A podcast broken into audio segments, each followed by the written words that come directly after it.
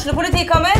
Ine Jansen er purk. Er du purk? The motherfucking bitch. Alt jeg vil, er å finne ut hva som skjedde med mannen min. Jon Carew. Er jeg sikta for noe? Iben Akeli. Det er du. Ole So, Lars Berrum og Big Daddy Karsten. Hvem sin side er du på, egentlig? Anette Hoff, Tone Danielsen, Kommer du fra Afrika? Jørnis Josef, Nesten. Kløfta. Trond Espen Seim, Det er synd å si det, men det var feil mann som døde. Purk. Premiere tirsdag på TV2 Play.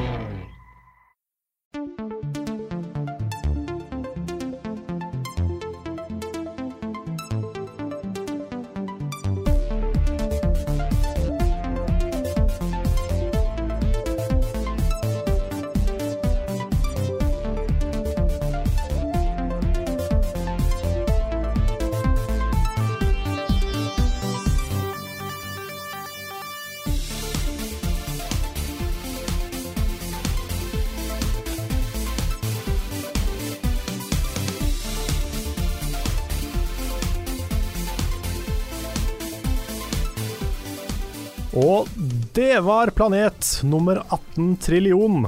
Da er jeg tilbake fra ferie. Velkommen til en splitter ny episode av Level Backup med Rune Fjell Olsen, med Lars Håkon Storbakken og med meg, Carl Martin Oksnes, tilbake fra ferie. Velkommen tilbake, Carl. Takk for det. Veldig godt å ha deg tilbake nå, altså. Det er faktisk veldig deilig å være tilbake òg. Ja. Det, er, eh, det er kos å jobbe. ja, det er faktisk det. Det er det. Vi er heldige sånn sett.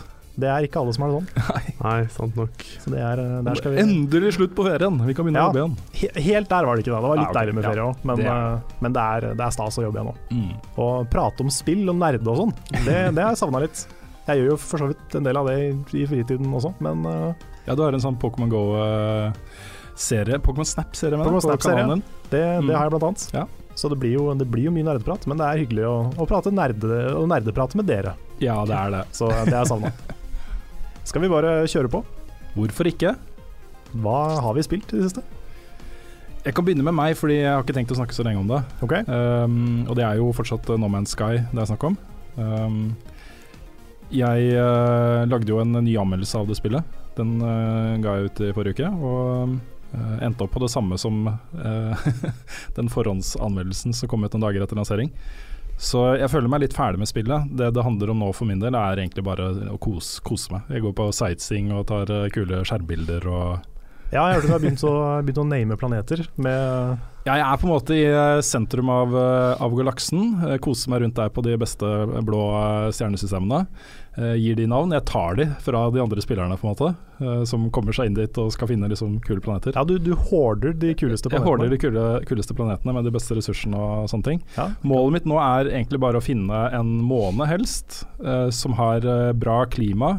Eh, masse kule ressurser, mye kule dyr og planter, og at det ser veldig pent og flott ut der. Og så bare bli der til det kommer den expansion, eller eh, et tillegg da, med å lage settlement. Det er, Ja. liksom, det, er det som er eh, målet mitt. Så jeg spiller det litt nå og da jeg koser meg. Det er ikke noe Det derre jaget etter å fullføre det er over. Nå er det bare sånn koselig sightseeing en halvtime der og en halvtime der. Ja. Ja, det blir jo kanskje litt mer snakk om No Man's Sky etterpå, men vi sparer det til spørsmål og svar. Var det Ja, det vi kom, det- det kom kan være. Det, det blir bra. Jeg har en del på hjertet, jeg også, egentlig, om det spillet. Spilte mye i ferien. Mm. Men eh, ja, var det, det var deg?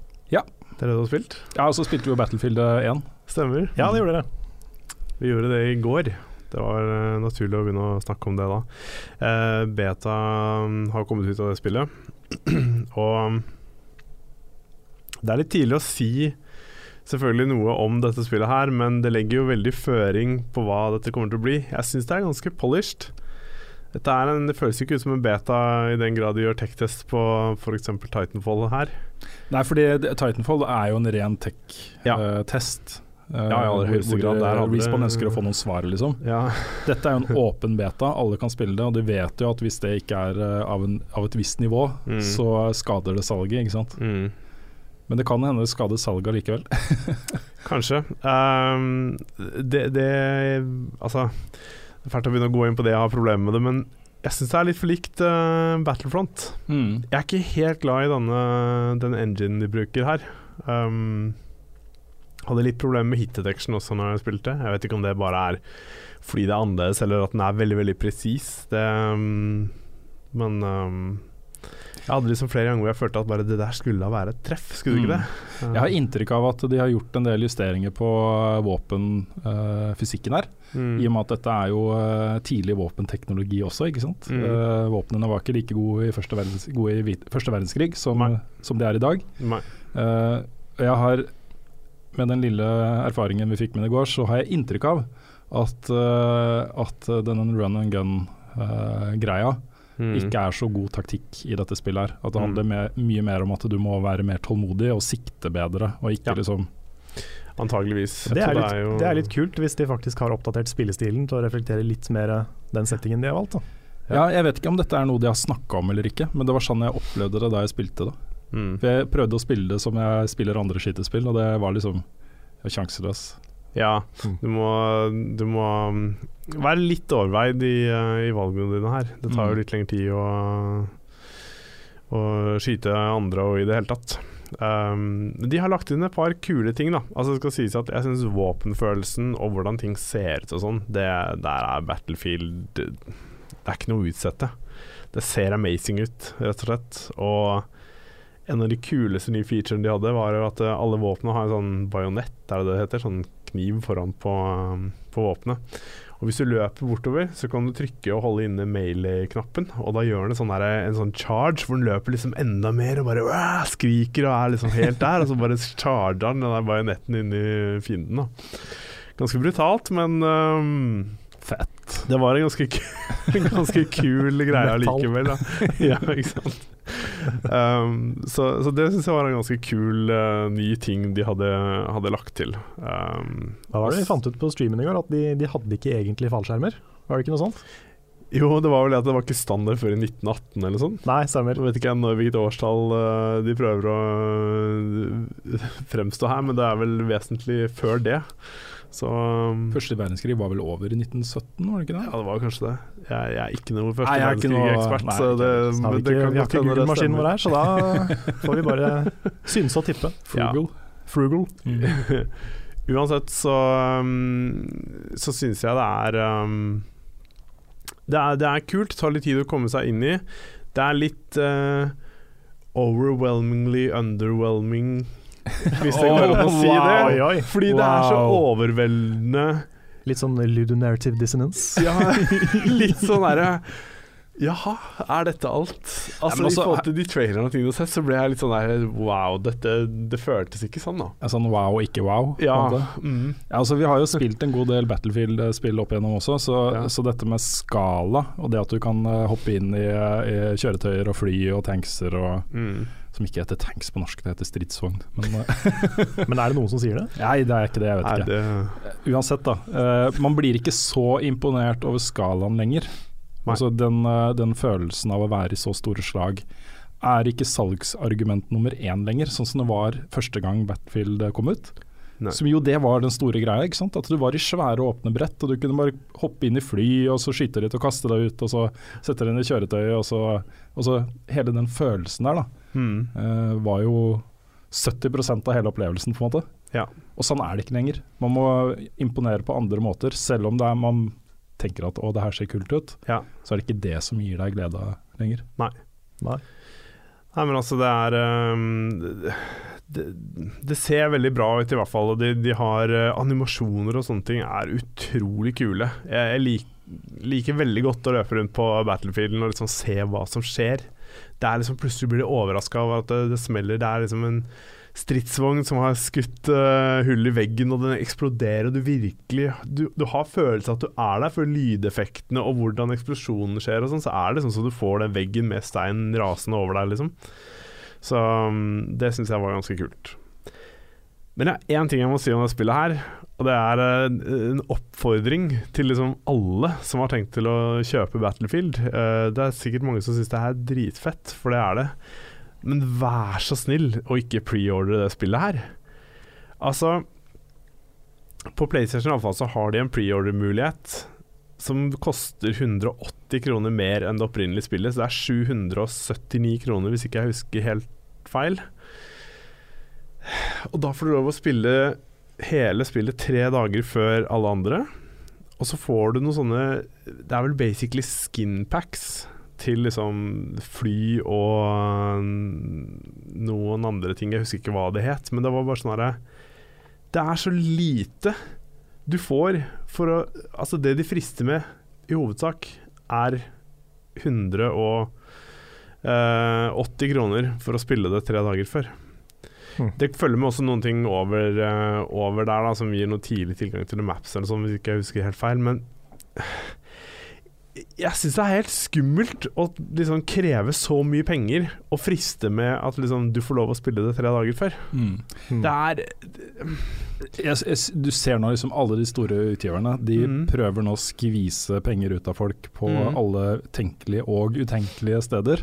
Og det er en trend og en utvikling som er utrolig kjip. Ja. Mm. Eh, og jeg vet ikke helt altså, Jeg skjønner jo mekanikkene bak, de vil tjene mer penger. Mm. Um, men det, jeg vet ikke om det er sånn at hvis ikke de tjener mer penger, så går de konk, liksom.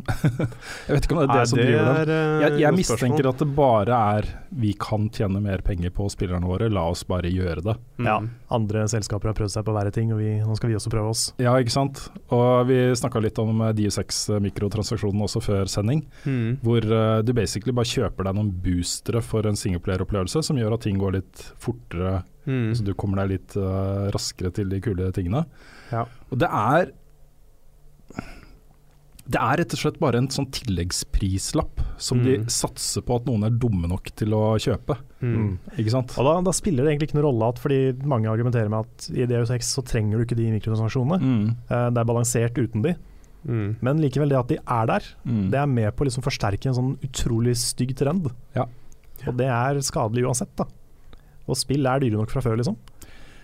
Det, de er absolutt dyre nok fra før, og det er, eh, det er ikke bra. Det er, en, det er en utvikling som er med på å uh, bremse uh, utviklingen av spill som et uh, generelt massemedium Mm. for alle, liksom. Ja, for det Mm. blir jo begrensende for hvem som har råd til det og, Mm. og sånne ting. Det er jo kjempesynd. Spill burde bli billigere, ikke dyrere. Ja. Og hvis ikke du holdt på å si, klarer å lage et spill som ikke du må selge for 1000 kroner, så lag et billigere spill.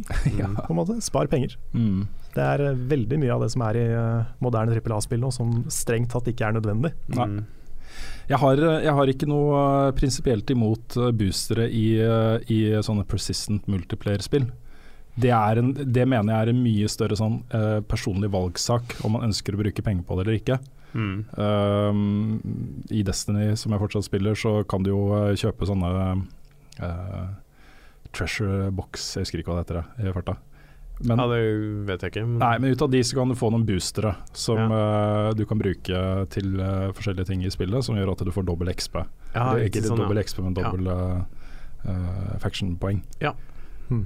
Og det, det syns jeg er fair, på en måte. Det er et veldig sånn Ja, Den grindinga der er jo ganske lang fra før av, så den er uh... Ja, hvis folk uh, bruker penger på sånne ting, så er det altså, Det er opp til hver enkelt, føler jeg da. mm. For det er virkelig ikke nødvendig å kjøpe de uh, boksene der. Nei. Virkelig ikke. Nei, MMO-er er kanskje litt i gråsonen. Ja. Eh, men sånn generelt, da, sånn i fullprisspill, Mm. så uh, syns jeg mikrotransaksjoner er en uting.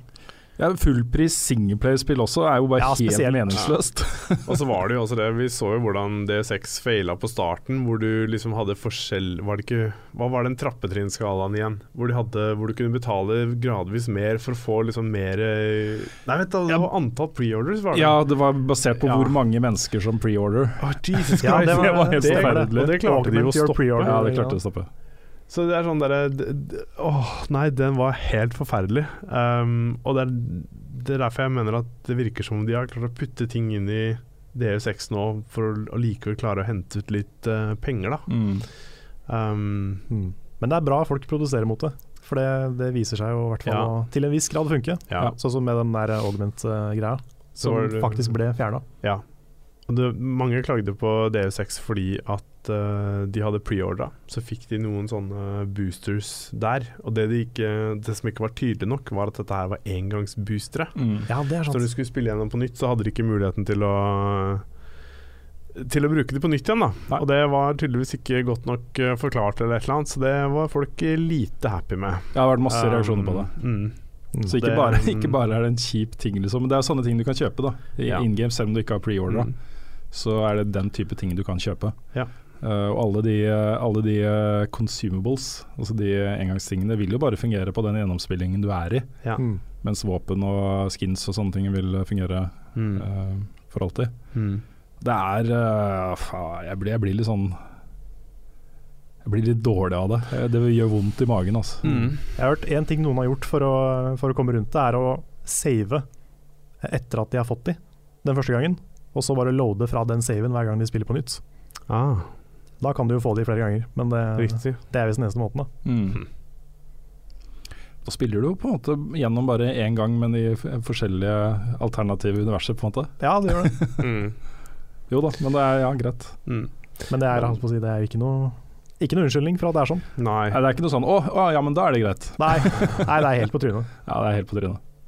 Men i hvert fall for Battlefield 1, som uh, virker som et uh, veldig solid spill på, på veldig mange måter. Vi har jo ikke fått prøvd så mange kart og sånne ting uh, foreløpig. Så syns jeg den der preorder-bonusen, eller den preorder-tingen, er, er helt grusom. Altså, den, den vanlige preorderen, den som koster 599 eller hva det er, det er sikkert for all del Det er for så vidt greit å forhåndsbestille noe som Har du penger nå, og du kanskje ikke har penger da, så vet du på en måte at da har jeg liksom betalt og kjøpt allerede. Men den derre nesten 800 joner for å få det litt før Altså, jeg, jeg, jeg får ikke sagt det. Vær så snill, ikke gjør det. Det er så dårlig trend av spillselskapene å gjøre sånne ting. Ja, hvis, Det du, er, hvis du lar eh, være, så bidrar du til at eh, den eh, forretningsmodellen tanker. Og det er noe vi vil. Ja, ikke sant? Fordi For all del, spillet kan sikkert bli dritbra, og man kommer til å kose seg, men jeg tror ikke de preorder-tingene du får der, nødvendigvis gjør spillopplevelsen så sykt mye bedre. Nei. Uh, ja. Men uh, enough said. Jeg håper uh, budskapet Og så er det ikke sikkert spillet blir bra heller. Det man ser nå på Nei. den åpne betaen, er jo f.eks. at en hackergruppe tok ned PC-serverne første Ja. dagen, liksom. Ja. Mm. Så hvis du spilte på PC, så stakkars deg, liksom. Da fikk du jo ikke spilt den åpne betaen i går. Nei. Nei. Og Frida og jeg kom heller ikke inn på PlayStation 4 Nei. i går. Nettopp. Og eh, lanseringen av Battlefield 4 gikk jo ikke så superbra, liksom. Det tok et år før det var eh, så bra som det burde være. Ja, Jesus Eh, Christ. før alle feilene i det spillet ble fiksa. Mm. Uh, massevis av eksempler på spill som eh, ikke er det man har sagt de skal være. Mm. Et eh, ferskt eksempel er No Man's Sky, som mange er eh, kjempeskuffa over og bedt om å få pengene tilbake for og sånne ting. Ikke forhåndskjøp spill. Nei. Nei, vent, eh, vent på mer informasjon. Ja, Mm. ikke sant. Og i hvert fall ikke basert på preorder-bonuser. Nei, i hvert fall ikke det. For det er det jeg syns er forferdelig. Altså Kommer det et spill som liksom sier du kan forhåndsbestille det for å være sikker på at du skal få det, Mm. greit nok. Uh, hvis du virkelig liksom har lyst på det og i det hele tatt. Men uh, hvis du kjøper det bare fordi at 'Å, jeg kan få et kult skinner', jeg kan, ikke sånn, sånn type greie. Det er sånn Det er så dårlig trend. Mm. Nei, for det, det som jeg, Den eneste liksom, sånn forhåndskjøptingen som jeg eh, er for, er jo den som er lagd for blodfansen av noe. F.eks. med uh, The Last Guardian så får du med en statue av, Ja. av den skapningen, Ja, liksom. Men det er vel gjerne limited editions Lim også. det er mer Collectors Edition jeg tenker på. Liksom. Det er et samleobjekt, og det, er, det det blir noe helt annet. artbok og, Ja. og sånne ting. Ja. Det, det handler mer om å på en måte ja, Jeg er fan av dette her og er villig til å betale litt Ja. ekstra for å få det stæsjet, liksom. Mm. Eh, enn liksom Jeg har lyst til å det Ja, i men det er ikke et digitalt skin. Ikke det, er det er ikke liksom noe som ikke er ekte, på en måte. Da. Det Nei, her, den, den eh, statuen har en mye større reell verdi, da. Ja. uh, føler jeg i hvert fall. Ja. Enn uh, å få spille det tre dager før alle andre. ja, ja. Du kjøper en ting. Mm. Apropos, jeg må bare nevne dette er en liten digresjon av digresjonen. Okay. Mm. Uh, men jeg var hjemme en tur i Tønsberg, og onkelen min har jobba på Brio i alle år. Og han eh, tok med til meg en sånn eh, gammel offisiell Sonic 2 veggklokke. Ok, Å, herregud, så fett. Som har liksom en sånn, eh, sånn Robotnik som tikker. Seriøst? Nei, ja, ja. nei. Og den er dritkul. Fikk du den, eller Jeg fikk du bare jeg se fikk på den? Fikk du den? Jeg har den hjemme nå. Å, herregud. Den er bare awesome. Så den, den får dere se i neste anmeldelsen jeg legger ut. For Ja, så kult. den er utrolig kul. Stille. Official merch fra liksom det er liksom blitt- 1990 et eller annet. jeg Ja, så kult. Utrolig kult. Favorittonkel. Ja ja, han har alltid vært favorittonkel. Ja, okay, i hvert fall når Han kom med sånne leker når vi var små og sånn. Konge. Så fett. Ja, ja. Men ja, har du spilt noe mer spennende? Um, ja. Uh, nei, utover det så har jeg spilt en del mobilspill. Jeg uh, trenger ikke å sitte og ramse opp alle de, men det kommer jo i hvert fall flere hva skal jeg si, anbefalinger av mobilspill. Det er veldig bra den spalten. eh, Det er ute nå hver mandag. Det er veldig bra. Det er kjempebra, Lars. Ja, det er kult. Så er det veldig Jeg håper kult å få dekka det. Ja. Ja. Jeg håper den kan bidra til at noen kanskje finner eh, mobilspill som, som er bra, og som kan liksom være et godt alternativ til å bare sitte og spille på konsoll og PC. Mm. Det er veldig ofte Man blir veldig sånn Spill man skal spille liksom noen ganger bare, og så blir det ofte Candy Crush eller alle disse her eh, mikrotransaksjonsspillene. da, Ikke sant? Det er fort gjort, da. Og så er jo AppStore og alle de andre butikkene en sånn jungel. Det er utrolig Ja, vanskelig å finne noe bra. Det er vanskelig å finne spill, altså. Mm. Eh, jeg har gravd en god del for å finne liksom, en rekke, rekke spill nå, og det, og det er mye prøving og feiling. Så um, heldigvis er det en god del spill som er gratis, men du må betale 33 kroner for å fjerne reklamen din. Mm. Og det, det syns jeg er en god ting. da Det er ikke noe mer transaksjoner enn det. Det er liksom Du får lov å prøve spillet gratis. Du må se reklame. Hvis du vil fjerne reklamen fordi du digger spillet, så koster det 30 et eller annet kroner. da Mm. Ja, ja, det er mer for, å kjenne Ja, det, da er det på en måte som å kjøpe spillet, ikke sant? Ja.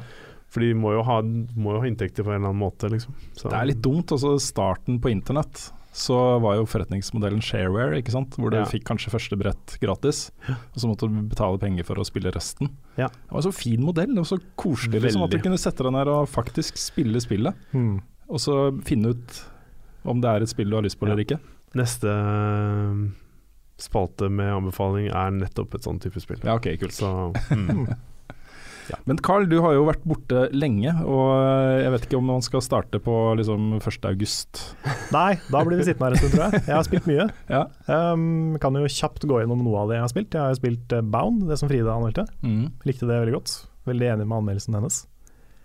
Uh, jeg har spilt uh, mye No Man's Sky.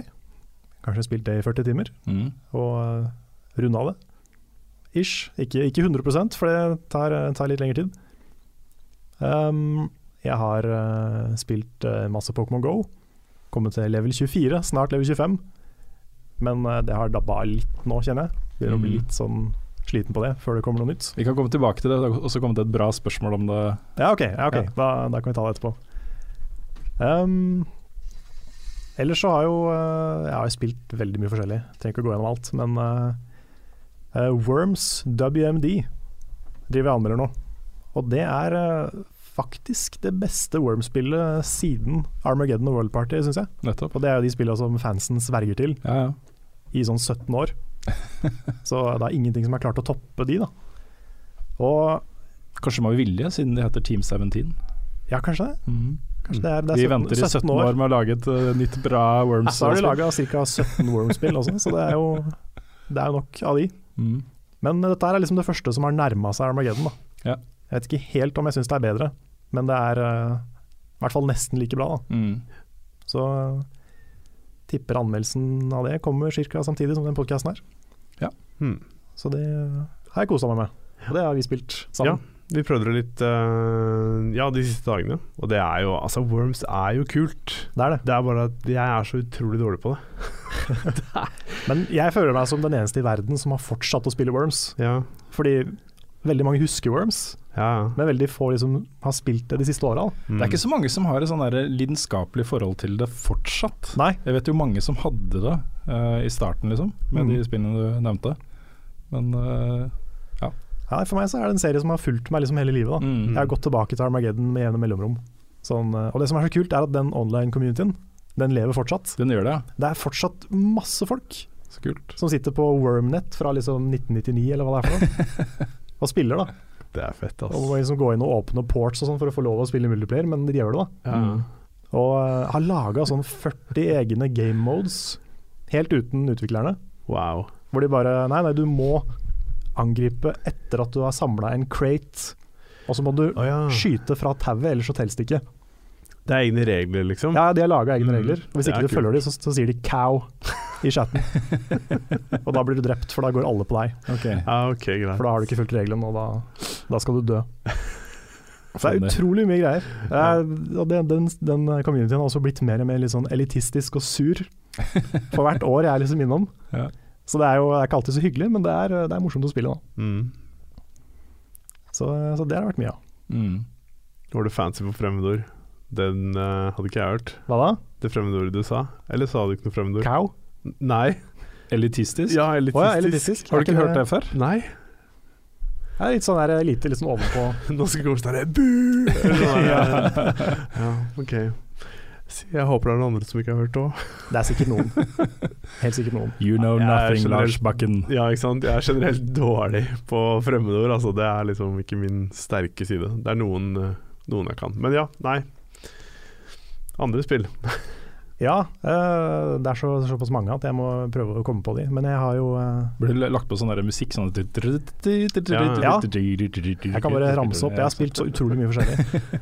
Uh, tatt meg tid til Sånn er det når en uh, eh, spilljournalist har ferie. Ja, Ja. da spiller jeg alt det jeg ikke anmelder. Mm. Så um, Nei, selvfølgelig så driver jeg også og anmelder uh, Earthlock, Mm. Festival of Magic. Mm. Det er eh, så langt en litt sånn blanda opplevelse. Ja, det lanseres eh, jo ble lansert i går, torsdag.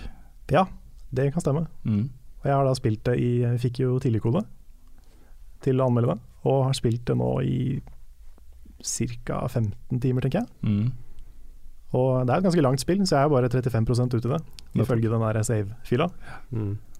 Så det er et lite prosjekt å anmelde det spillet. Det er, eh, jeg har mye blanda følelser og mye tanker å sette ord på, så det, Ja. det kan jo ta, ta litt tid å bli ferdig med den anmeldelsen. Men jeg skal i hvert fall eh, gi det en skikkelig ordentlig vurdering. Da blir det sikkert en bra anmeldelse som blir spennende å se. Vi får, eh, får håpe det. Mm. Men det er, det er mye kult i det, og så er det mye som jeg håper de patcher, Ok. rett og slett. Det er spennende tider nå for, eh, for norsk spillindustri. Det er det. Hvor du har svære lanseringer eh, som Earthlock, som jo er et eksklusivt Xbox One og PC-spill nå i starten. Mm. Det er gratis for alle med Xbox Live Gold-abonnement i hele september. Mm. Eh, og så kommer det da på PS4 etter hvert, og så kanskje, sier de nå plutselig, da, eh, med muligens på Wii U etter det. Jeg mente de hadde Ja. en avtale med Wii U for lenge siden. Ja, jeg vet ikke hvordan den avtalen uh, stiller seg, men jeg bare reagerte litt på ol, uh, ordlyden. Hvordan de uh, forklarte hva slags plattformer det kommer på etter hvert. Mm. Så i hvert fall PS4. da. Og så Ja. har du jo Owlboy som skal presenteres nå, Uh, tror jeg denne helgen, på PAX uh, East. Det er mulig det er PAX. East. En av de PAX-messene i hvert fall, i PAX USA. et eller annet. North, South. Et eller annet. Og Der Mm. kommer det også en releasedato, som jo blir i høst. Det jeg Stemmer. til. Ja. Jeg spilte jo den samme demoen, eh, det er også spilt, som, som du spilte på eh, Mm. kanalen vår. Mm. Herregud, så bra! Ja, altså Hva skal man si, liksom? Eh, det er et spill som flyter ekstremt godt. Mm. Og det føles så, så bra å spille det. Det føles så riktig. Det er liksom gode karakterer med uh, lett å kjenne seg igjen i. Ikke sant? Du blir, du blir belønna for ting du gjør på en riktig måte. Det er det, Altså Mm. Ja, Den det lille gameplay-teamen var helt fantastisk. ja, det er noe med det kontrollsystemet som bare sitter, og det er så intuitivt og det er så Mm. riktig. Mm. Du bare, Det klikker med en gang. Mm. Og det, det er bra. ass. Det er lenge siden jeg har spilt et spill som bare føles så riktig. Ja. Her har de lagt mye uh, tid Ti og arbeid år med tid og arbeid. Ja, på riktig sted, Ja, altså. Det har tydeligvis vært verdt det. Det er jo virkelig naila, i hvert fall den delen. Mm. Jeg gleder meg til også å gjøre et sånt uh, lanseringsintervju med de gutta. Altså. Mm. Få de til å fortelle litt om hvordan prosessen har vært. Fordi jeg tror det har vært en del sånne Jeg skal ikke si akkurat hvilket spill det gjelder, fordi jeg tror det er litt sånn off the record-informasjon som jeg fikk om det. Men uh, det er et annet eh, spill som er under utvikling nå, hvor uh, det ble forklart at eh, til meg da, at det er ganske lett å se hvor mye de har utvikla seg i prosessen, fordi slutten på spillet er mye bedre enn starten på spillet. Ja. At uh, man, man kan følge liksom, uh, utviklingsprosessen til utviklerne gjennom spillet. At de lærer seg nye ting og liksom gjør ting bedre og forbedrer ting og osv. Så, videre. Mm. så jeg, jeg tipper jo at uh, Dpad har på en måte gått tilbake til Owlboy med flere ganger, kanskje. Ja. Og reworka mekanikker og lagt til nye ting og tatt bort ting og forbedra ting. Og Mm. ja, det vil jeg jo tro. Altså Fra de starta der for ti år siden, eller hvor mye det blir, så um, vil det jo helt sikkert ha forandra seg både hvordan de har utvikla seg som personer, og historien og ja, for det jeg kan se for meg, da, er at uh, når jeg vet hvordan uh, Simon, Simon og de er som Mm. perfeksjonister, mm. At hvis, hvis de kommer til et sånt punkt hvor de føler at vet du hva, vi kan, vi- nå har vi utvikla oss, vi kan bedre. Jeg klarer ikke å leve med at starten er sånn som den er, vi må bare Nei. lage den på nytt. Ja. Jeg, føler, jeg føler virkelig at det er det som har skjedd. da. Ja. Jeg tror ikke det begynte som et uh, liksom SNES-spill i 1080p, f.eks. For det er det jo nå. Ja. Og det er utrolig pent. Den pixelarten i så stor oppløsning. Mm. Ja, Jesus Christ. Utrolig stilig. Og eh, nei, det ser jeg for meg at det er eh, ganske mye penere enn det var første, første omgang. Mm. Vi har lært at det er farlig å være hype for spill, men eh, de klarte å gjøre noe Ja, her, de altså. det, altså. Og, men, men vi har i hvert fall spilt det, da. Vi har liksom prøvd det sjøl. Ja, Og da. er det, det føles det litt mer riktig å være gira. Ja. Så lenge resten av spillet henger på greip med det vi har fått til nå, så er det jo bare å glede seg. Mm. Og så en siste ting, det er ikke et spill, men jeg har sett uh, Kingsglaive, Final Fantasy 15-filmen. Den har jo fått ganske hard medfart på nettet, har jeg sett. Den har det. Og uh, jeg har ikke tenkt å si så mye om den, men jeg har tenkt å foreslå at vi tar en filmkveld en, en dag og ser den. Ok, Og har en liten sånn spoilercast i en podkast eller noe sånt. ok. Jeg er down. Det hadde vært gøy, for den er Den er jo ikke bra, men den er utrolig underholdende. Oh, ja, Og så ble jeg helt sykt solgt på den verden. ok. Så det er ting i den filmen som er veldig verdt å se. Mm, Så er det kanskje ja. den peneste filmen jeg har sett. Noen gang. Så Det er høy produksjonsverdi også. veldig. Ja. Det, er, eh, det, det er penere enn liksom Advent Children og, og sånn.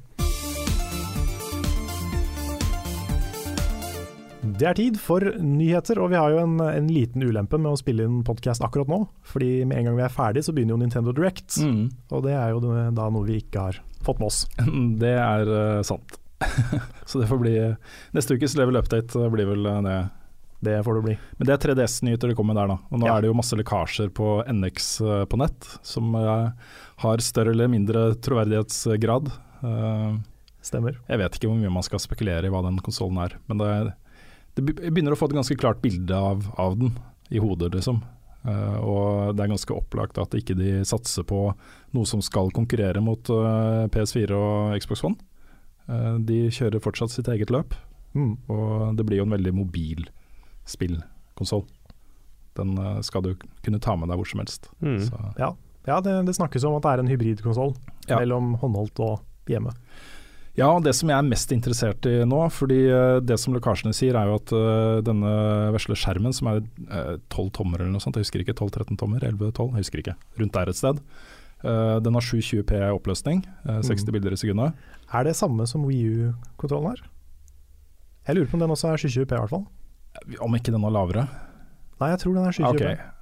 Eh, Uansett man trenger ikke mer enn det på en så liten skjerm. Nei. Eh, alt over det ville vært overkill, på en måte. Eh, men det store spørsmålet er jo hva skjer når du kobler den til en TV-skjerm? Vil eh, denne dockingstasjonen sørge for at det blir 1080p? Eh, vil uh, konsollen i seg selv sende, begynne å sende 1080p-signaler til TV-en? Eh, for på en stor 50-tommers 4K-TV så blir liksom 720p kan bli eh, merkbart for folk, da. Ja, det ser litt billig ut i 2017 som det kommer. Ikke sant? Mm. Så, så den er jeg litt interessert i. Det, er, det er ikke så lenge til den kommer, den kommer i mars. Kommer i mars. Så de burde jo snart begynne å eh, faktisk si noe offisielt. Ja, jeg tipper at de i løpet av september, eh, tidlig oktober, så har de en uh, Nintendo Direct som handler om akkurat det. Mm. Det spørs. Eh, jeg skal ikke ta så mange nyhetssaker heller, eh, men jeg har funnet noen ting som det er verdt å nevne. Eh, et spill som jeg har planer om å vende tilbake til nå, det er kanskje det neste spillet jeg begynner å spille. Det er Hitman, som jo har vært et episodebasert spill gjennom hele året. Mm. Og i starten så var jeg ganske kritisk til det formatet. Fordi det var liksom to-tre to, eh, missions ute. Og meningen var at du skulle bare spille de om og om igjen på mange forskjellige måter, og det var det som var liksom verdien. Eh, og så gikk det en måned så, eller to, og så kom det et nytt land, på en måte, en ny mission. Mm. Og så skulle gjøre det samme med det. Så jeg føler at det blir en litt for oppstykka uh, opplevelse, for meg personlig. Jeg vil ha Jeg vil gjøre et kult uh, snikmord, og så vil jeg gå videre i historien. Jeg vil ikke gå tilbake og gjøre det samme snikmordet om og om igjen, på en måte. Så for helhetsopplevelsen så ønsker jeg meg mer, da. Og nå har det kommet masse, så jeg tenkte å kanskje ta en ny kikk på det. Men det har også, uh, som de sa i starten av dette her, uh, kommet en dato for eh, eh, eh, den første disk, altså samlepakka, da, for alt det som kommer.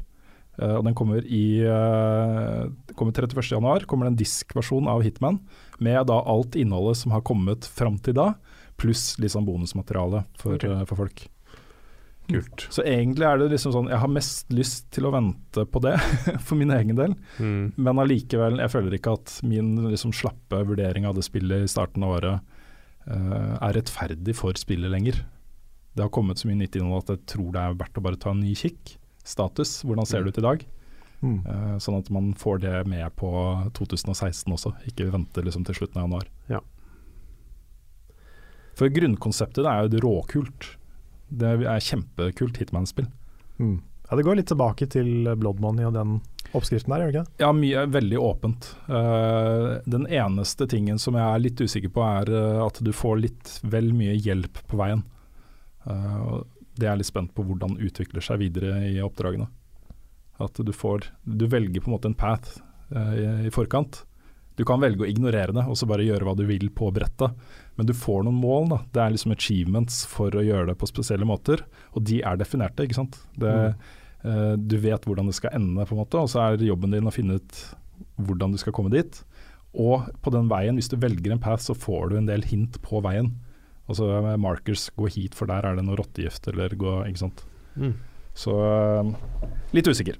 Hmm. Uh, den andre nyheten er at uh, Gran Turismo Sports er utsatt til uh, neste år. Og stort mer det er det ikke å si om akkurat den saken, tror jeg. Nei, det er som vanlig mye utsettelser. Ja, det blir det. Jeg hadde jo gleda meg til sept september som en sånn JRPG-måned. Så ble både Final Fantasy 15 og Persona 5 eh, utsatt til flere måneder fram. Mm. Så det, sånn kan det gå.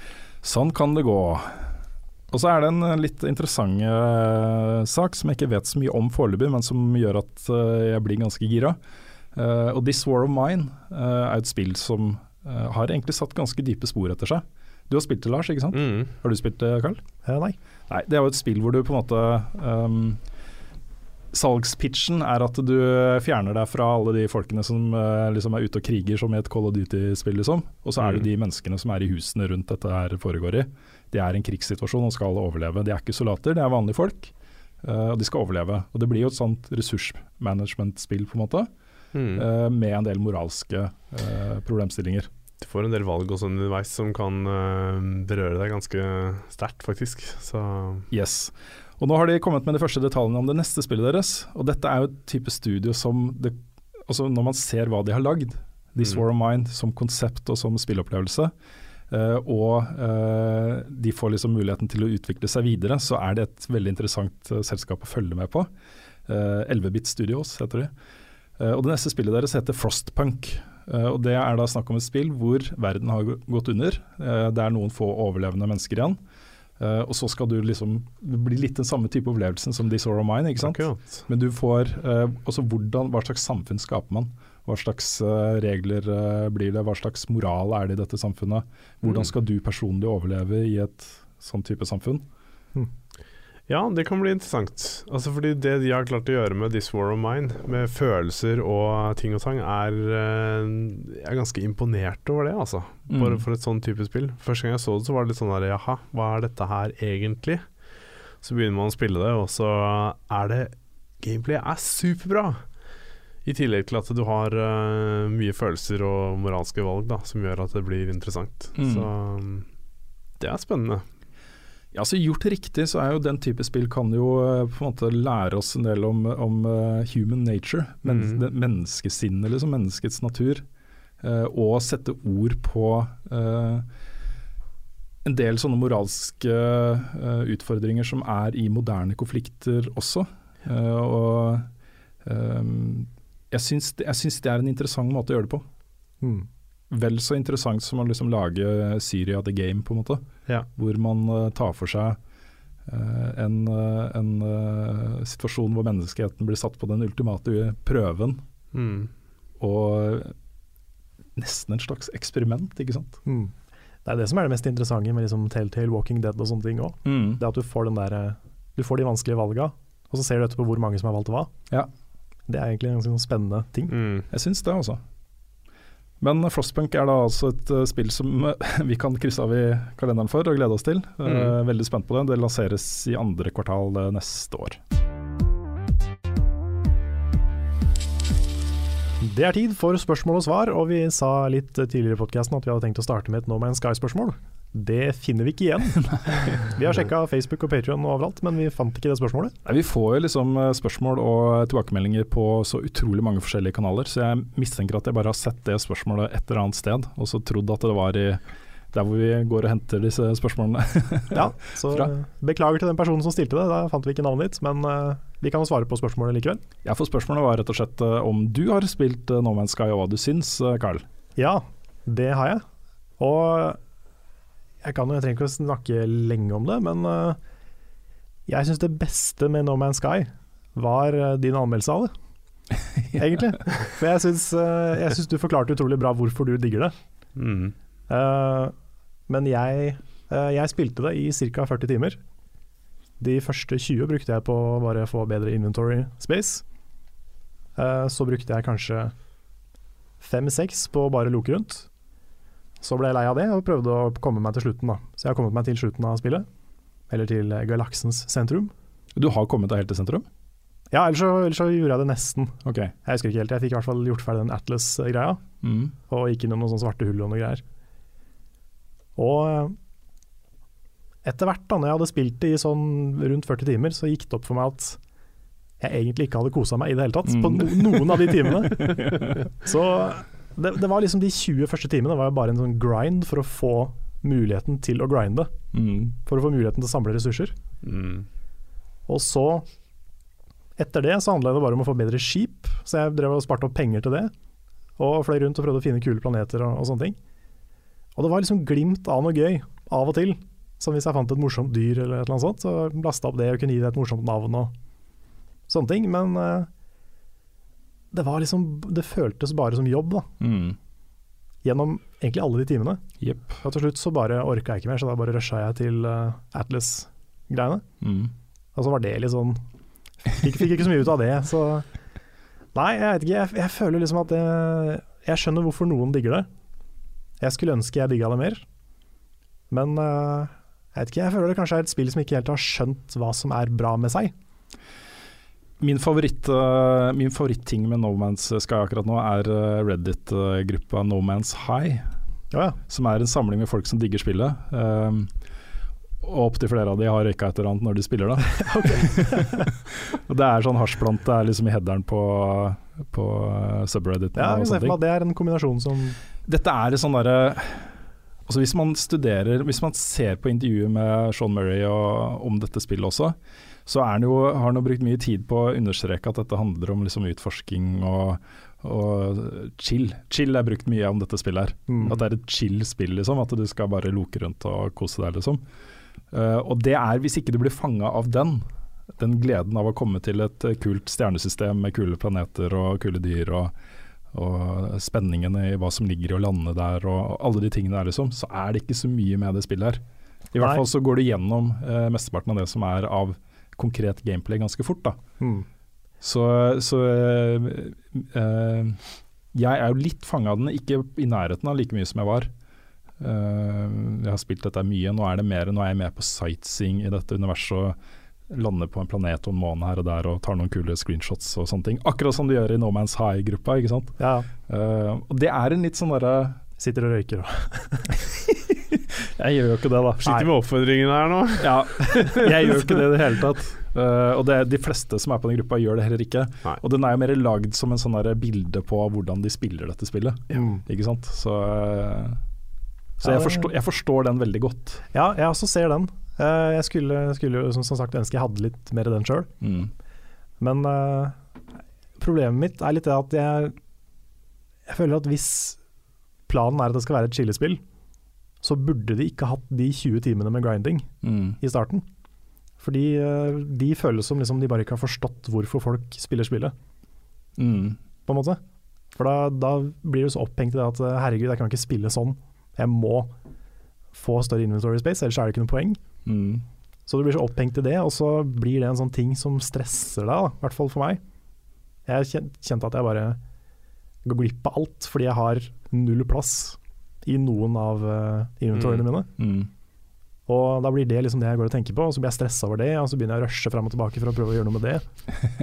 så får jeg ikke den kosen, da. Nei.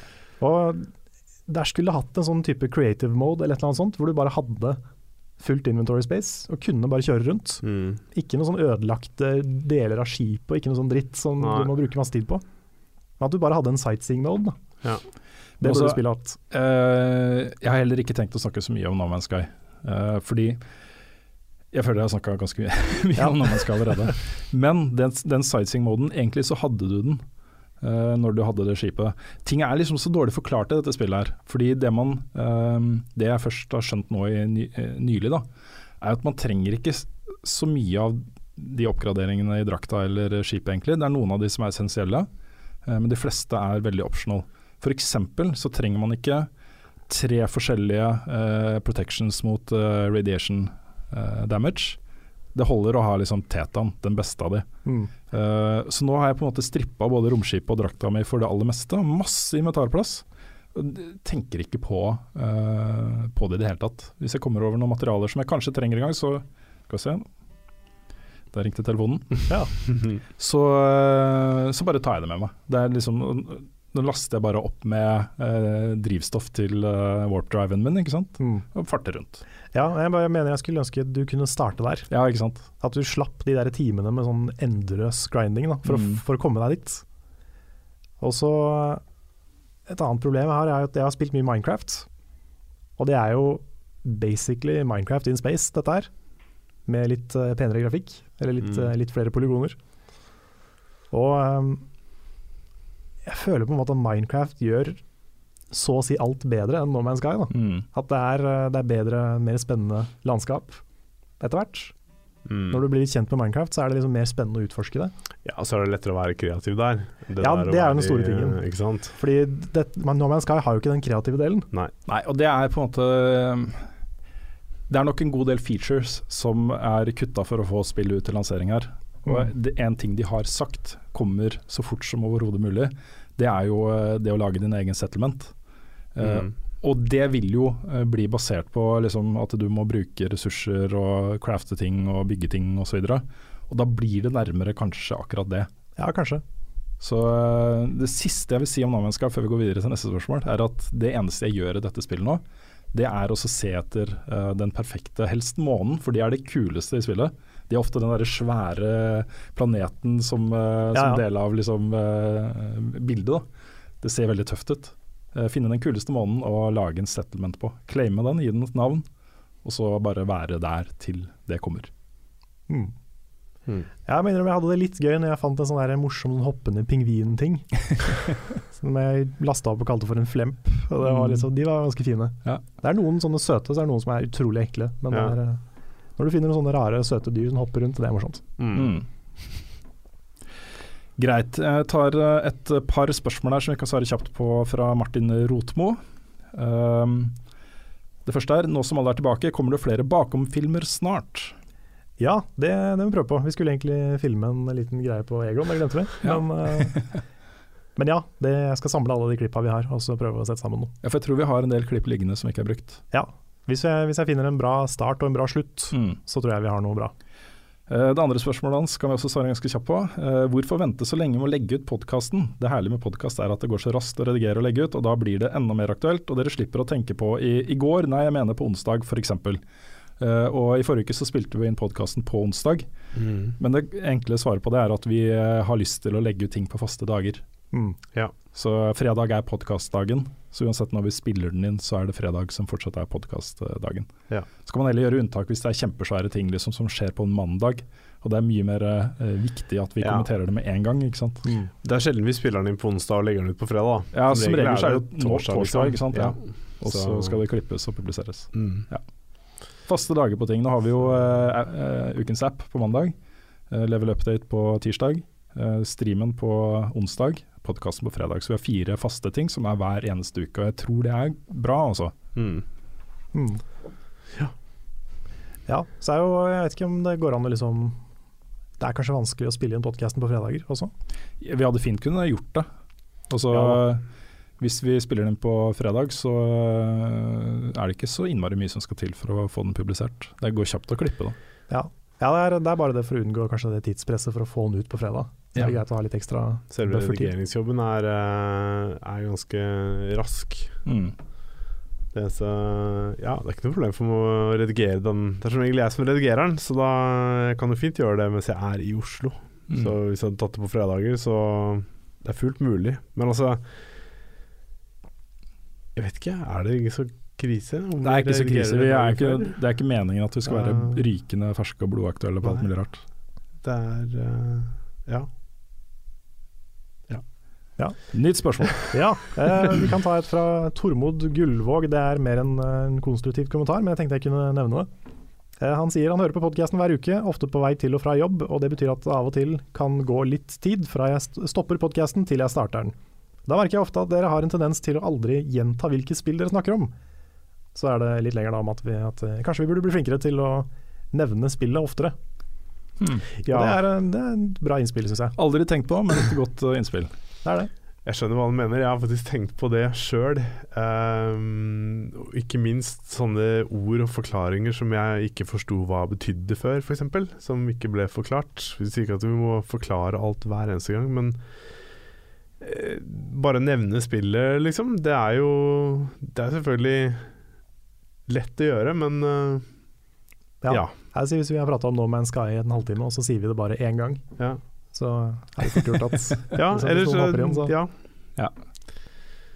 Hopp litt tilbake i podkasten, jeg vet ikke. Nei, altså, ja. Vi eh, noterer det bak øret Ja. og kan prøve å ha litt, litt mer bevisst forhold til det. Ja, det er verdt å tenke på. Godt innspill.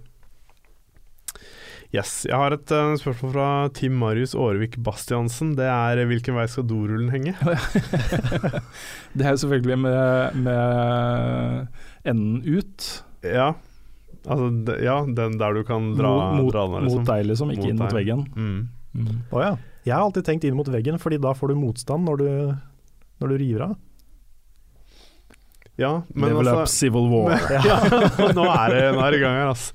Men det, det som er greia, det er det sånn herre ehm, Det er det verste jeg vet med sånne offentlige toaletter, hvor, hvor dorene er liksom gjemt oppi. Så er det sånn du må grave Ja, ja. etter Mm. enden. Og så er det sånn sag under, som bare riper opp armen din. Så hele hånda di blir jo kappet av idet du skal dra etter den. Uh, nei, altså, da blir det sånn, da må, du liksom, da må du liksom dytte på den, og så må du ta tak i den. Mm. Jeg er enig med, med Rune. Eh, Jeg, blir, jeg, blir, eh, jeg får et eller annet som klikker i Ja. meg hvis jeg kommer et sted og den henger inn mot veggen. ja, altså, men det der er Da jo en greie snur jeg den, altså. Ja, men tenk så Uansett mye, hvor jeg er. Hvis jeg mindre er krefter du kan bruke på å liksom bare rive av når, den, når du får motstand fra veggen. Ja, men hvor mye motstand er det du egentlig får? Ja, det er hvis den henger litt sånn. vet, det finnes, ja, det finnes veldig mange dorer som har et sånn lite lokk som ligger oppå, og den skal gi motstand. Så hvis du har en dorul som ikke har det, så gå, invester i det, Ja, det går kanskje an. kanskje. Jeg Ja. vet ikke. Jeg, Det er litt ikke jeg har bare sånne ting som henger. Ja, okay. Det er litt morsomt å se på ungene, har jo lært seg å gå på do selv nå, liksom. Uh, og når de, ofte når de tar et dopapir, så river de litt av, og så river de ned. og så blir det sånn kjempelang remse, sånn ja. tynn remse, ikke sant. For de har ikke helt forstått den mekanikken. Det er også sånne ting som bare uh, Mm. Da går jeg og tenker på det hele dagen. Ja. Ser helt feil ut. Det Ja. som, eh, bare for å snakke enda mer om do Sånn er eh, blåsetørketing. Sånne håndtørketing på offentlig Det er jo så uhygienisk. Ja, og det funker jo aldri. Du må alltid tørke deg jeg har deg vært på noe borti annet. noen som funker, men som regel så blir det en sånn runde på buksa. Ja, det er det det blir. Ja. Det som er det mest morsomme, er de der nye sånne der airblade. Som du stikker hånda ned, og så er det bare sånn Airblade? Ja, så er det bare sånn, sånn der, blåser veldig hardt fra begge sider. Og det som skjer hvis det er litt ekstra våt på henne, så spruter det jo vann overalt. Er Pluss sånn bakterier fra de 100 andre som har brukt den før deg. ja, Ja. Og det der har du gjort en test på i eh, blant annet um, Mythbusters, og da fant du ut at det var mye mer bakterier og renslig rundt den blåsetingen enn det var rundt papir. Mm. Så selv om- Mer i miljøvennlig, ja, da. Absolutt. Det, det er det. Ja, er det det? Bruker strøm? Ja, ja, kanskje. Kanskje ikke. Yes. Men uh, la oss snakke om et, uh, noe som har et spillspørsmål. Kanskje? Ja, uh, har du et, Rune? Jeg har et fra Martin Christensen her. Um, han skriver nå er det snart Fifa 17-lansering, kommer dere til å få anmeldt det? Det er jo et godt spørsmål som vi ikke har et godt svar på ennå. Vi burde jo finne noen som kunne gjort det. Altså, jeg har jo dritlyst til å spille det. Sånn Ja, da- helt seriøst. Men, eh, men jeg vet ikke om jeg skal claime noen anmeldelsesferdigheter i fotball. Altså. Det Ja, er at, problemet med den eh, type spill er jo at, uh, at de som er interessert i det spillet, har jo gjerne spilt liksom Fifa 16 og 15 og 14 og 13 og 12 og 11 og 10. Og liksom. Ja. De har en helt annen forståelse av den serien. mm. Så det jeg har uh, gjort i VG-sammenheng, er jo å sette folk som har god kjennskap til den serien, til å anmelde de spillene. Sånn at de har øh, De vet hva nyansen er, ikke sant? hvilke forskjeller det er fra den forrige. For det er jo nyansene som betyr noe for folk, ikke sant. Mm. Så jeg tenker at hvis vi skal anmelde det, og vi må gjøre det selv, så må vi gjøre en litt annen vri på det. Da Mm. blir det mer sånn en, en, et nytt blikk på Fifa 17 fra Mm. en som ikke kjenner serien så godt. Uh, eventuelt så kan vi kanskje gå til noen som kan mye om Vi har jo vært inne på det og spurt Hasse Hope for en stund siden om han Ja. kunne tenke seg å anmelde det. Det har vært kjempegøy. Det har vært kjempemorsomt. Så vi kan jo ta opp den eh, tråden igjen. Mm. Ja, så Ja. blir det fort litt sånn der I fotball har du to lag som skal eh, sparke en ball inn i to mål. Ja. Mm. Nei, det er noen hull må det dessverre bli. Uh, men det hadde vært greit å ha hatt en, eh, en god eh, sportsspillanmelder, altså. Mm. Ja, det hadde, hadde vært noe. Mm. Vi har et spørsmål fra Kurt og Olsen. Han sier eh, litt off topic, men har dere erfaringer slash synspunkter med input lag på TV-er? Har to stykker TV-er, og min to-tre år gamle Samsung uh, 7-serien er ubrukelig til Battlefield multiplayer, mens en ni år gammel Sony er perfekt. Ja, Dette er jo et godt spørsmål også, fordi nå eh, Jeg har jo eh, de siste par årene gått over til å spille konsollspill på en PC-monitor. Og eh, jeg klarer ikke å spille på en TV-skjerm lenger. Mm. Det, blir, det, det henger Altså Jeg var ikke klar over hvor mye lag det egentlig er, da. Mm. Men så vet jeg det er jo en innstilling som man, eh, de fleste TV-er har skrudd på per default, men som eh, i hvert fall moderne TV-er skal kunne skru av. Og det kjenner du litt mer til, eh, Lars? Ja, det er en sånn game-modus, da. Ja. Som du kan øh, Jeg vet ikke om den er på som default. Er den er vel som regel ikke det. Den er som regel ikke det. For dette, Eh. dette handler jo om altså Grunnen til at det blir lag, er jo at den er innstilt for eh, film, hvor det liksom kjappe bevegelser skal smoothes ut på en eller annen måte, sånn at det ikke Ja. hakker, ikke sant. Og så er det jo gjerne det at den, den Det er jo viktig med farger, ikke sant. Og når en TV eller monitor gjengir farger, så har den oftere høyere responstid for at fargene skal liksom være klarere og tydeligere og bedre. Og der er det jo veldig stor forskjell på om du kjøper en sånn type redigeringsmonitor eller en spillmonitor. Mm. Fordi har du, Er du vant til å spille på en monitor da, som har uh, hvor svart til hvitt, eller hva det blir for noe, er liksom ett millisekund, så merker du veldig stor forskjell hvis du kommer opp en TV som ikke har det, som plutselig er oppe i 35. ikke sant? Mm. Mm. Den laggen blir vesentlig å, å føle på. Mm. Og det som antageligvis er med hans eldre TV, er vel at øh, Eller monitor, er vel at den kanskje er en Uten å si akkurat hva slags TV han har, så er det vel kanskje en litt sånn billigere variant da, um, av um, hvordan den viser frem Eller TV-en bør ikke være billig, det er feil om å si, men at den, at den viser, viser bildene kjappere. Jeg, tipper at den, eh, mye- jeg tipper at den nye TV-en hans er mye bedre å se film på Ja. enn den gamle. Ja, ikke sant? Fordi den, den har gjort innstillinger Ja. og justeringer som, som gjør liksom film og, og Blu-ray-bilder Ja. bedre. Han sier også at begge er i game mode. Mm. Ja. Så det er, Men da er det bedre responstid på den gamle, tenker jeg. Uh, rett og slett. Mm. Og jeg personlig, selv om du setter nye TV-er i game mode, så syns jeg fortsatt de er eh, Er du vant til å spille på en monitor, sånn som du sier, så er det, det er stor forskjell, altså. Mm. ja. Du får vel oversikt over eh, millisekunder på, når du kjøper nye TV-er, gjør du ikke det? På online og sånn? Jo, som regel så står det på eh, spesifikasjonene på TV-en. Mm. Ja, for gode PC-monitorer de jeg bruker, har jo sånn ett og to og tre millisekunder Mm. responstid, ikke sant. Ja, så det er lurt å se på det når du kjøper Ja. TV.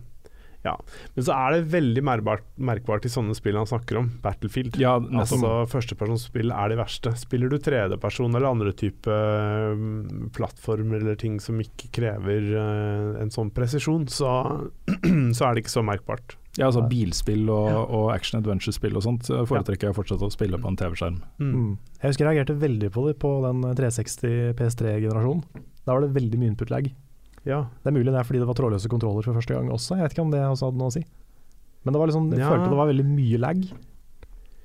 Men det var mulig det var TV-en jeg hadde da. Altså. Ja, altså Jeg har spilt mye FPS på PS3, og jeg har, eh, har også slitt med input-lag via TV-er. Men eh, jeg bytta til monitor ganske tidlig, for det var, vi spilte en del competitive, og da var det sånn Det var jo Alle de som spilte competitive omtrent, hadde jo De satt med monitor, liksom. Det var det som var tingen. Så Ja, Mm. Så um, ja. Og det er jo sånn som de som spiller CSGO i Pro.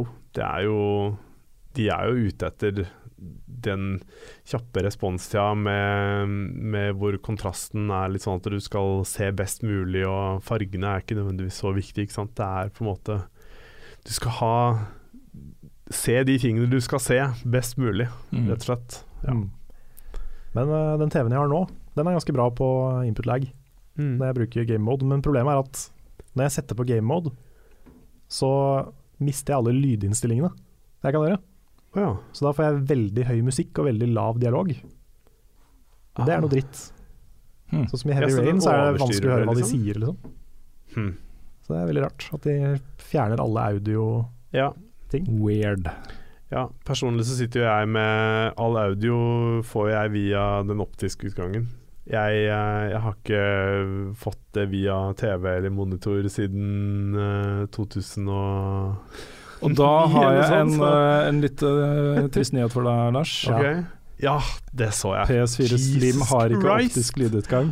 Det blir bare uaktuelt å kjøpe den. Det er rett og slett det er, Å, herregud. Hvordan Hvorfor har de gjort det? Mm. Kan vi ta en liten digresjon på det også, da, fordi eh, vi eh, fikk jo Vi snakka om eh, PS4 Slim på, eh, i en episode av Level Update, dvs. Si jeg gjorde det i en Level Update. Og på det tidspunktet så var jo nettet fullt av bilder. Folk hadde jo kjøpt den, og det var unboxing-videoer, og Ja. det var ikke noe tvil om at dette var ekte. Mm. Um, og rapporterte om det i Level Update, og fikk en uh, copyright strike fra Sony Computer Entertainment, Mm. som da hadde satt ned en uh, task force, eller vil si leid inn et uh, selskap et eller annet sted, til å eh, ta ned eh, alle de videoene på YouTube som omtalte PS4 Slim. Og en copyright strike er jo eh, veldig alvorlig. Mm. Det er jo sånn eh, Hvis man får tre av de, så slettes bare kanalen. Og det kan også følge med restriksjoner, f.eks. Uh, at man ikke kan livestreame. eh, at man ikke kan ha eh, videoer lenger enn 15 minutter. Mm. Uh, den var vel Den eneste tilleggstingen vi fikk, var at ikke vi kunne livestreame før i november eller noe sånt. Var det ikke det som var uh, greia, Karl? Jo, på YouTube. På. YouTube. Ja. Uh, og det er jo på en måte Når man sitter og er journalister og rapporterer en nyhetssak og får den type reaksjon fra en kommersiell aktør i spillbransjen, Mm. så blir man jo ganske pissed off.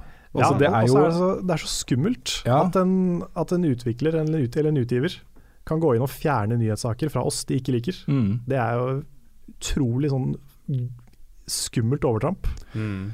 Ja, så blir man liksom ekstra Vi har jo eh, fått beskjed, da. Vi eh, tok jo dette opp med den norske, eh, norske armen til eh, Sony Computer Entertainment, som er en nordisk, nordisk film. eh, som har tatt det liksom inn i systemet og gitt oss en tilbakemelding på at det striket kommer til å bli fjerna i nærmeste framtid. Um, men man ser jo nå at, eh, at de har jo revurdert praksisen sin, fordi det florerer jo igjen Mm. av unboxing-videoer og nyhetssaker og videoer og kommentarer og bilder og og så- Det er overalt på YouTube, som de Mm. da åpenbart ikke har uh, sendt den hissige algoritmen sin på for å gjøre en strike på, ikke sant. Mm. Så de har revurdert praksisen sin. Mm. Det at de har gjort det, jeg blir skikkelig um, Jeg blir skikkelig oppgitt, altså. Mm. Og jeg har personlig lyst til å liksom markere det på en eller annen måte. Mm. Eh, Så Ja. vi, har, vi har diskutert eh, det litt. Jeg har foreslått at vi ikke nå lager en egen nyhetssak på eh, i Level Update om PS4 Slim og PS4 Neo når det kommer da på eh, dette presseeventet den 7. september. Ja. At vi eh, bevisst markerer og lager en video hvor vi forteller hvorfor vi ikke kommer med eh, Sony sine hardware-nyheter på en stund. Mm. Spillene er noe helt annet, selvfølgelig. Det er Ja, liksom, vi slutter ikke å dekke spill. Nei. Men uh, vi får se. Det er mulig at vi tar det opp med Patron-backerne våre og Mm. spør hva de syns.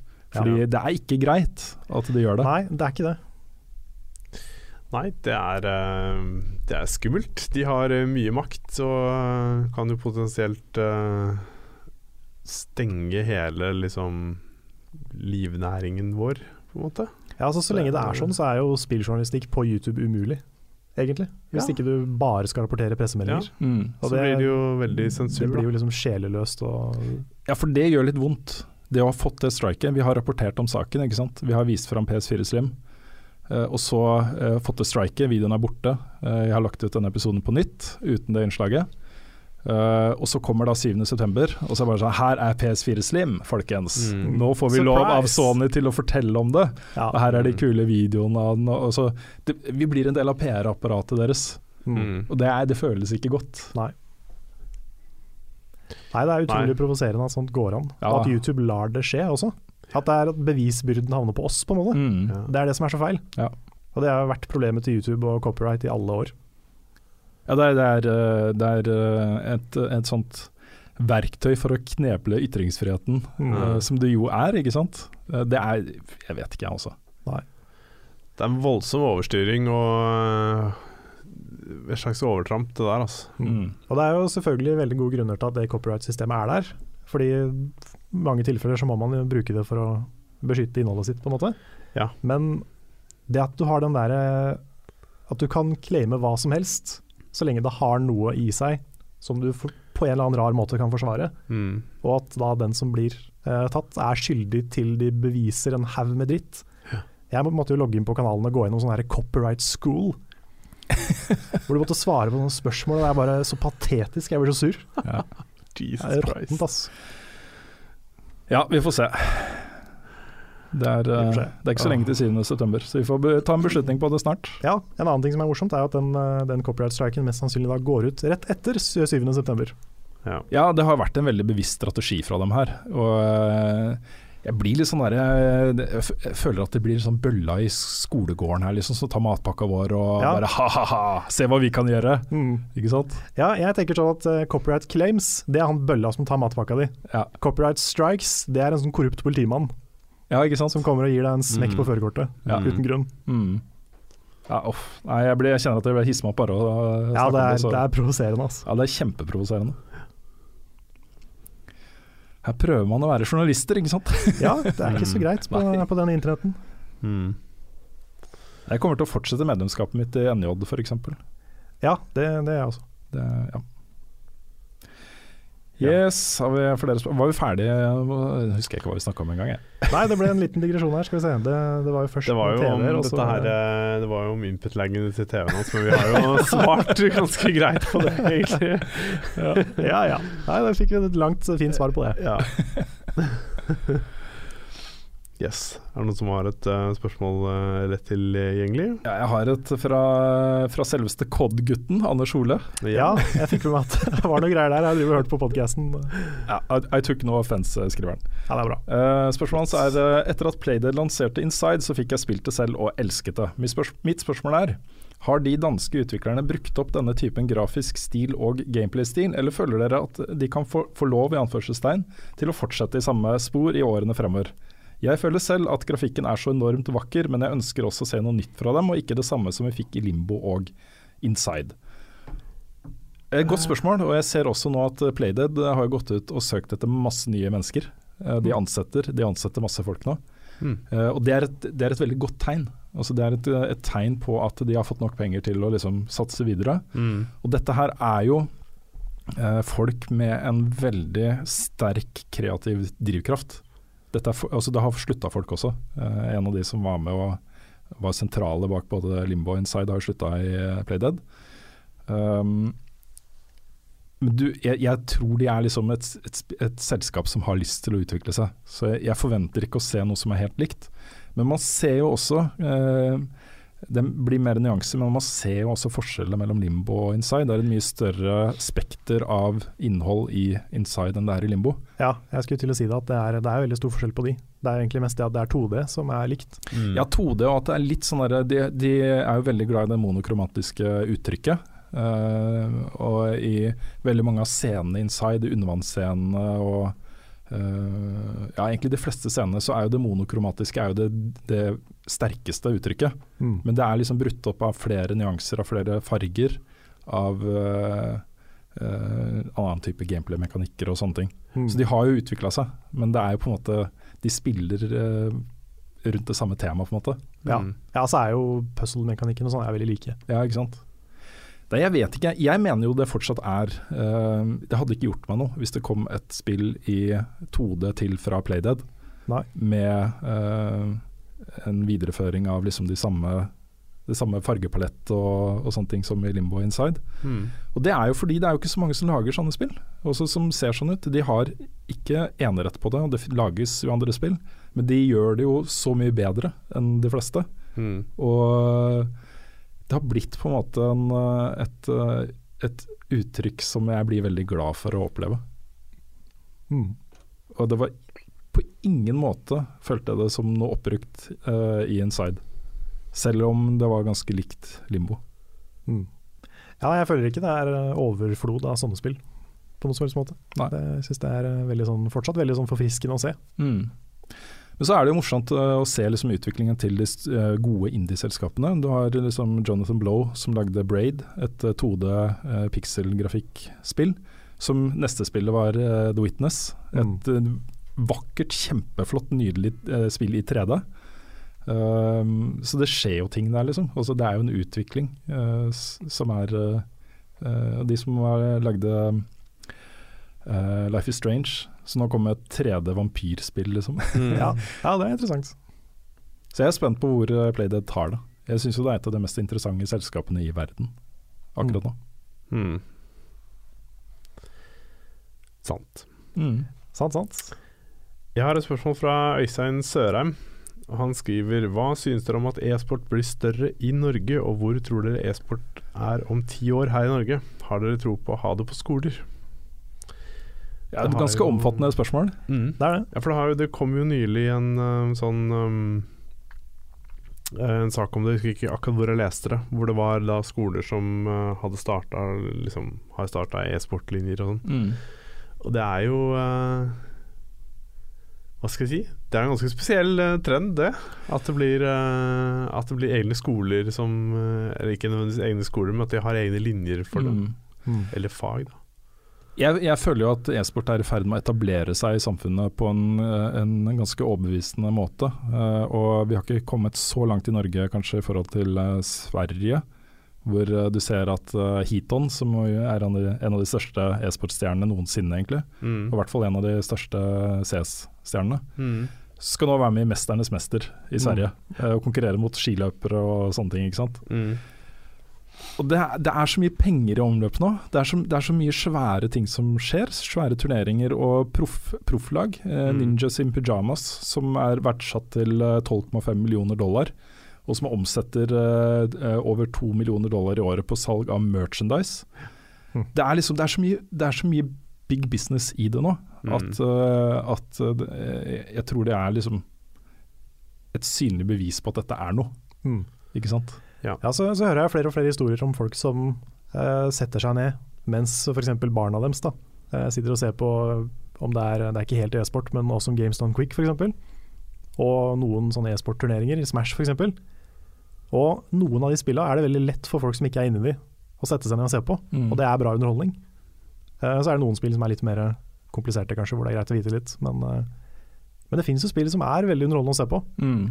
Og hvis det, hvis det kommer litt mer fram, da, og får litt mer plass, så tror jeg det kan gjøre mye.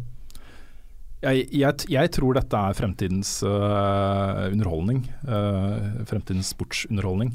Mm. Det at man uh, Bare en sånn ting som at man kan sitte og følge med på når Snute trener. Han Mm. livestreamer liksom treningene sine hvor han sitter og snakker om hvordan han trener og hva slags taktikker han jobber på, finpuss og sånne ting. Mm. Man er så nære man er så nære det som skjer. Man spiller spillet selv kanskje, eller har et forhold til det på et eller annet vis. Og, Mm. og får liksom se de beste spillerne innen sitt felt. da. Ja. Uh, spille mot hverandre. Det er kjempegøy. Ja. Kjempemorsomt. Det virker litt sånn eh, at det er litt enklere å kaste seg på den veien litt i utlandet kanskje i forhold til Norge. Mm. Jeg syns det er kult at de kjører skoler og sånne ting på det. Eh, Et fellestrekk for folk som generelt er flinke ting, enten det er liksom uh, skisport eller å lage film eller skrive bok eller sånne ting, er jo at de bruker De legger ned masse tid ikke sant, på å gjøre det de holder på med.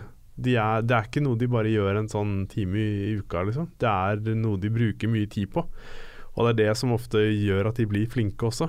Og det det, det krever litt, og så tror jeg det er litt sånn du skal kjempe mot måte foreldre og Det var jo en artikkel om Snute som var sånn her Når foreldrene hans først så at, begynne, at han kunne tjene penger på det, ikke sant. Det var først da han på en måte fikk aksept for det. Og det er eh, Skal du legge ned veldig mye tid i det, så er det jo Er det jo poenget at man får noe igjen for det, da. Ja, og så føler jeg det at, eh, at eh, dette med skoletilbud uh, og den flotte organiseringa som gjøres i Telenor-ligaen, med et ligasystem hvor man skal kunne lage et lag i, Mm. i et spill og konkurrere mot folk på eh, sitt eget nivå. Ikke nødvendigvis bare risikere å møte de beste spillerne i Norge i sin neste, match, liksom. Man møter folk på sitt nivå. Det er med på å gjøre dette til en, en fritidsaktivitet som har en verdi. Mm. På lik linje med å sende folk på fotballtrening eller judotrening eller eh, fiolintrening eller et eller annet, liksom. men man gjør noe aktivt sammen med andre som, som er bare en fritidsaktivitet, på en måte. En hobby. Og det er vel så viktig som at, eh, at en av tusen kanskje har mulighet til å tjene litt penger på å, spille disse tingene. Mm. Det er bare rett og slett det at det er organisert. Mm. At uh, jeg, jeg vet jo så godt hvor mye verdi det har å spille på et lag i turneringer og ligaer mot andre som er på mitt nivå. Mm. Hvor gøy det er, hvor, hvor mye det gir meg i hverdagen. Mm. Ikke sant? Så, så det er vel så viktig. Ja. Eh, men sånn, Norge er et lite land. Eh, det er ikke så mye midler eh, i omløp her. Liksom. Det er vanskeligere å få økonomien til å gå liksom, i en stor e-sportsatsing. Mm. Men, men det er mulig, og det kommer til å skje. Jeg er slett ikke sikker på at det blir NRK og TV 2 og TV Norge og de som, som uh, sørger for at dette blir masseunderholdning. Altså. Det kan fort være Twitch Mm. eller YouTube eller eh, Mm. eh, egne streamingtjenester. Ja. Det er noe jeg opplever mer og mer, at uh, min generasjon og, og, og gamere generelt da, uh, ser jo nesten ikke på TV. Jeg har ikke hatt TV på åtte år nå, tror jeg. Og de fleste jeg kjenner ser jo ikke på TV. Nei. Nei, jeg har ikke hatt TV sjøl, så lenge jeg kan huske, så det, jeg ser den, altså. Det, ja. Ja. Nei, så jeg, vet ikke, men jeg vet ikke om det går an å på en måte få en svær gruppe med i hvert fall dedikerte gamerseere på lineær-TV. Jeg vet ikke heller. Det, hele den TV-bildet i løpet av de neste ti årene så kommer det til å se helt annerledes ut. Mm. Web-TV er jo en annen ting, selvfølgelig.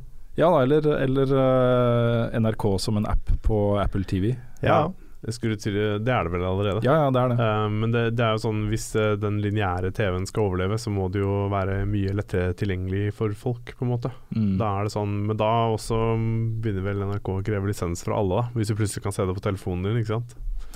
Jeg har ikke peiling. Så Det er jo akkurat Når det gjelder NRK, så er det jo ganske mye snakk om at uh, kanskje det skal bli borgerskatt på det. At det trekkes liksom automatisk fra alle, Ja. istedenfor at man skal betale en regning på 1400 kroner i året. Ja. Ja, ja for den er litt sånn ekstra sur når den kommer. Ja, det er det, altså. ja. Ja, det er ikke sikkert det er så dumt. Så Det er ikke det. nei. Um, vi har jo prata mye om eh, Pokémon Go i sommer, men det er et spørsmål fra Mathias Kolsrud også. Han spør hvordan er Pokémon Go-interessen for øyeblikket? Har det roa seg, eller har Rune også blitt dratt inn i denne onde sirkelen? Jeg var jo Jeg spilte jo eh, litt, ikke mye, men jeg spilte en del, av litt mer enn litt. eh, Pokémon Go i starten, da det kom. Men det var mest fordi jeg ville vite hva det gikk ut på. Så jeg kom til level 15, tror jeg. Okay. Og så ga jeg meg, og så har jeg ikke spilt det noe etter det. Så jeg har lagt det helt bort. Mm. mm. Ja. Jeg gjorde det samme etter at den oppdateringen kom, som gjorde at det ble vanskeligere å få tak i uh, Pokémons. Fordi når mine pokerballer eh, blir, eh, blir spist opp, så har ikke jeg noe gode Jeg har ett pokestopp i nærheten. Og det tar meg ti minutter å gå dit, og det er for så vidt greit. Men når spillet legger opp til at, at jeg på en måte skal kjøpe pokerballer for å, for å kunne spille det, da har det liksom kryssa den grensen hvor jeg liksom Dette er ikke greit lenger, liksom. Nei. For da det, det de gjør her, er at de de gjør det vanskeligere, som igjen tvinger folk til å kjøpe disse mikrotransaksjonene i spillet. Ja, I hvert fall hvis du ikke bor i byen, Ja, for du bor jo litt ute på Ja, litt ute på landet. Det er i hvert fall Det er to pokestops i sånn umiddelbar nærhet, og det er liksom ti minutter den ene veien og 20 minutter den andre veien, liksom. Og det er sånn Det er ikke bare på nærmeste hjørne, sånn som du som har et basically der du bor, ikke sant. Ja, jeg bor oppå et boksstopp. ja, det er sånn Hadde jeg hatt det, så hadde det kanskje vært en annen sak. Men eh, jeg føler litt at de på en måte At de, de prøvde å gjøre det vanskeligere for at folk skulle bruke penger på det. Og det var Ja, da jeg ble litt sånn derre Why? Det er nok litt av det. Ja. Men det var jo også en bug som gjorde at Pokémonene ble veldig vanskelig å fange. Ja, Den har de fiksa nå, ja. så du bruker ikke fullt så mange pokerballer. Ok, men det er bra. Fordi eh, ja, jeg har som sagt ikke spilt det noe særlig etter det, så det er jo godt å høre. Men Mm. eh, jeg syns den der var litt sånn her Nja Litt slem. Så Ja. Men uh, Ja, nei, jeg er, jeg er også ferdig med å på en måte gå ut for å leite etter Pokémon. Ja. Nå er det mer sånn at jeg bruker appen hvis jeg er ute. Ja. Og hvis jeg sitter på trikken, så kan jeg se om det er noe spennende som popper opp mens jeg sitter der, liksom. Ja. Men utenom det så spiller jeg det lite nå. mm, Jeg er på sånn straks level 25, og det er på en måte, da er det ikke noe vits å levele mer. Nei. For da blir det bare vanskeligere når du leveler mer. Ja, du trenger mye XP eh, mellom de høyere nivåene, altså. Du gjør det. Det er uh... Og i tillegg så blir de mye vanskeligere å fange etter Ja. hvert.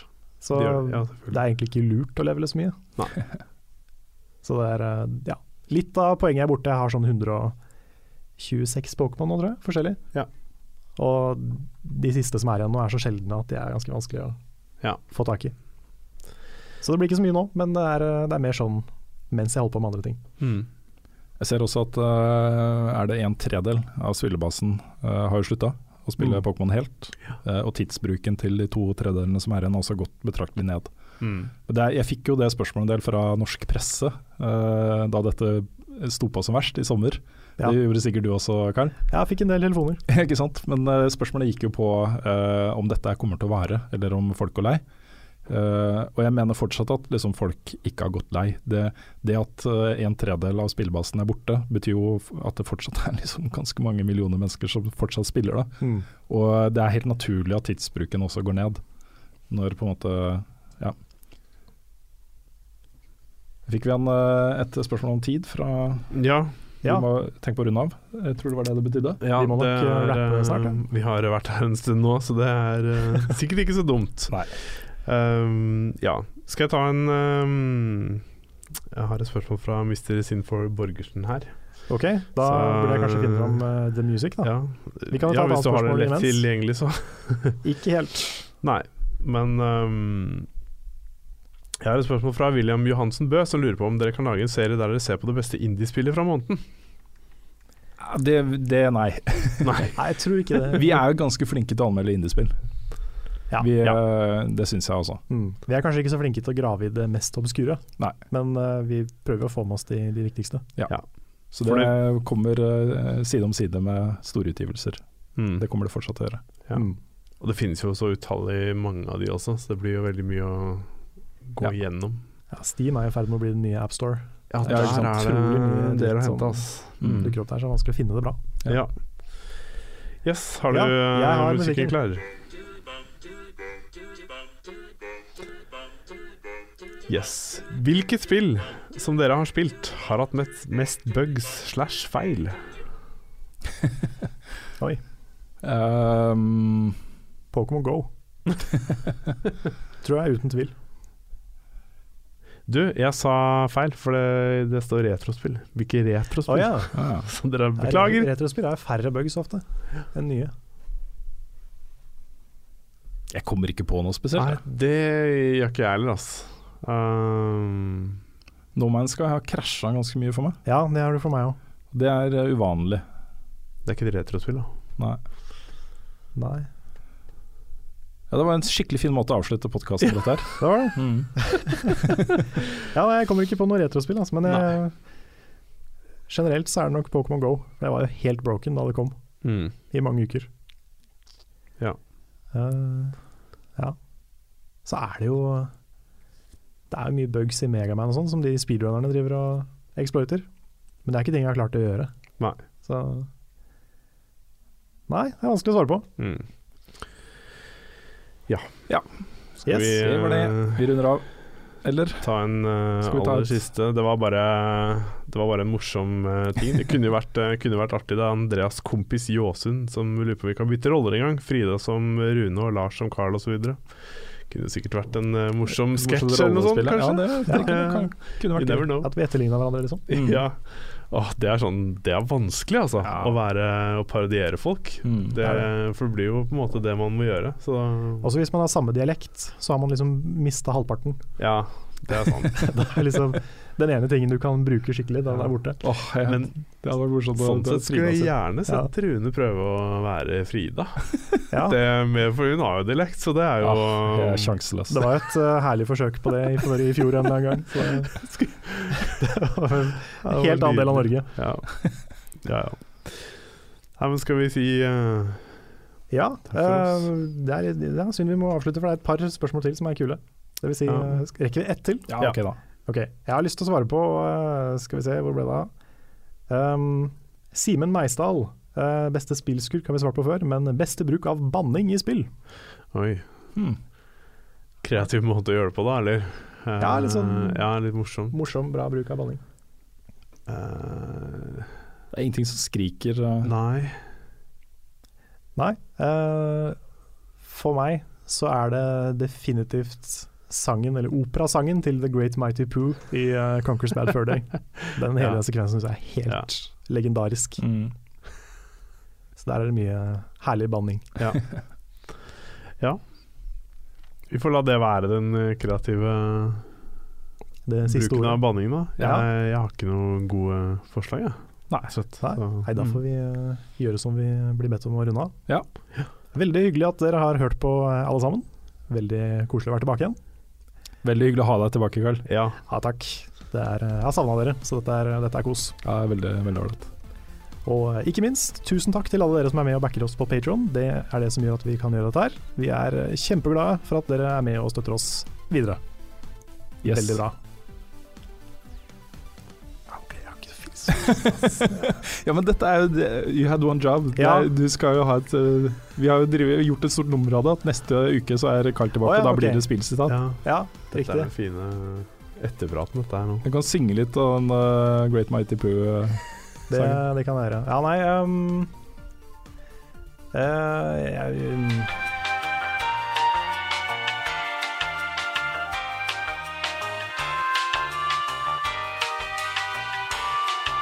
OK, da har vi et spillsitat, så da kan vi si ha, ha det bra, og takk for oss. I wanna be a blitzball when I grow up.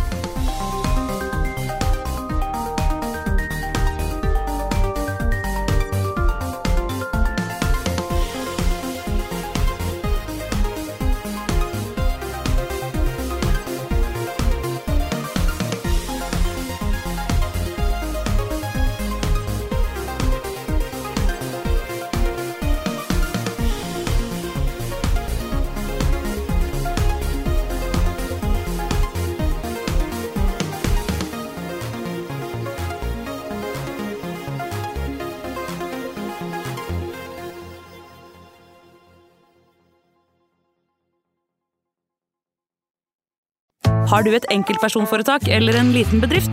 Da er du sikkert lei av å høre meg snakke om hvor enkelt det er med kvitteringer og bilag i fiken, så vi eh, gir oss her, vi. Fordi vi liker enkelt. Fiken superenkelt regnskap.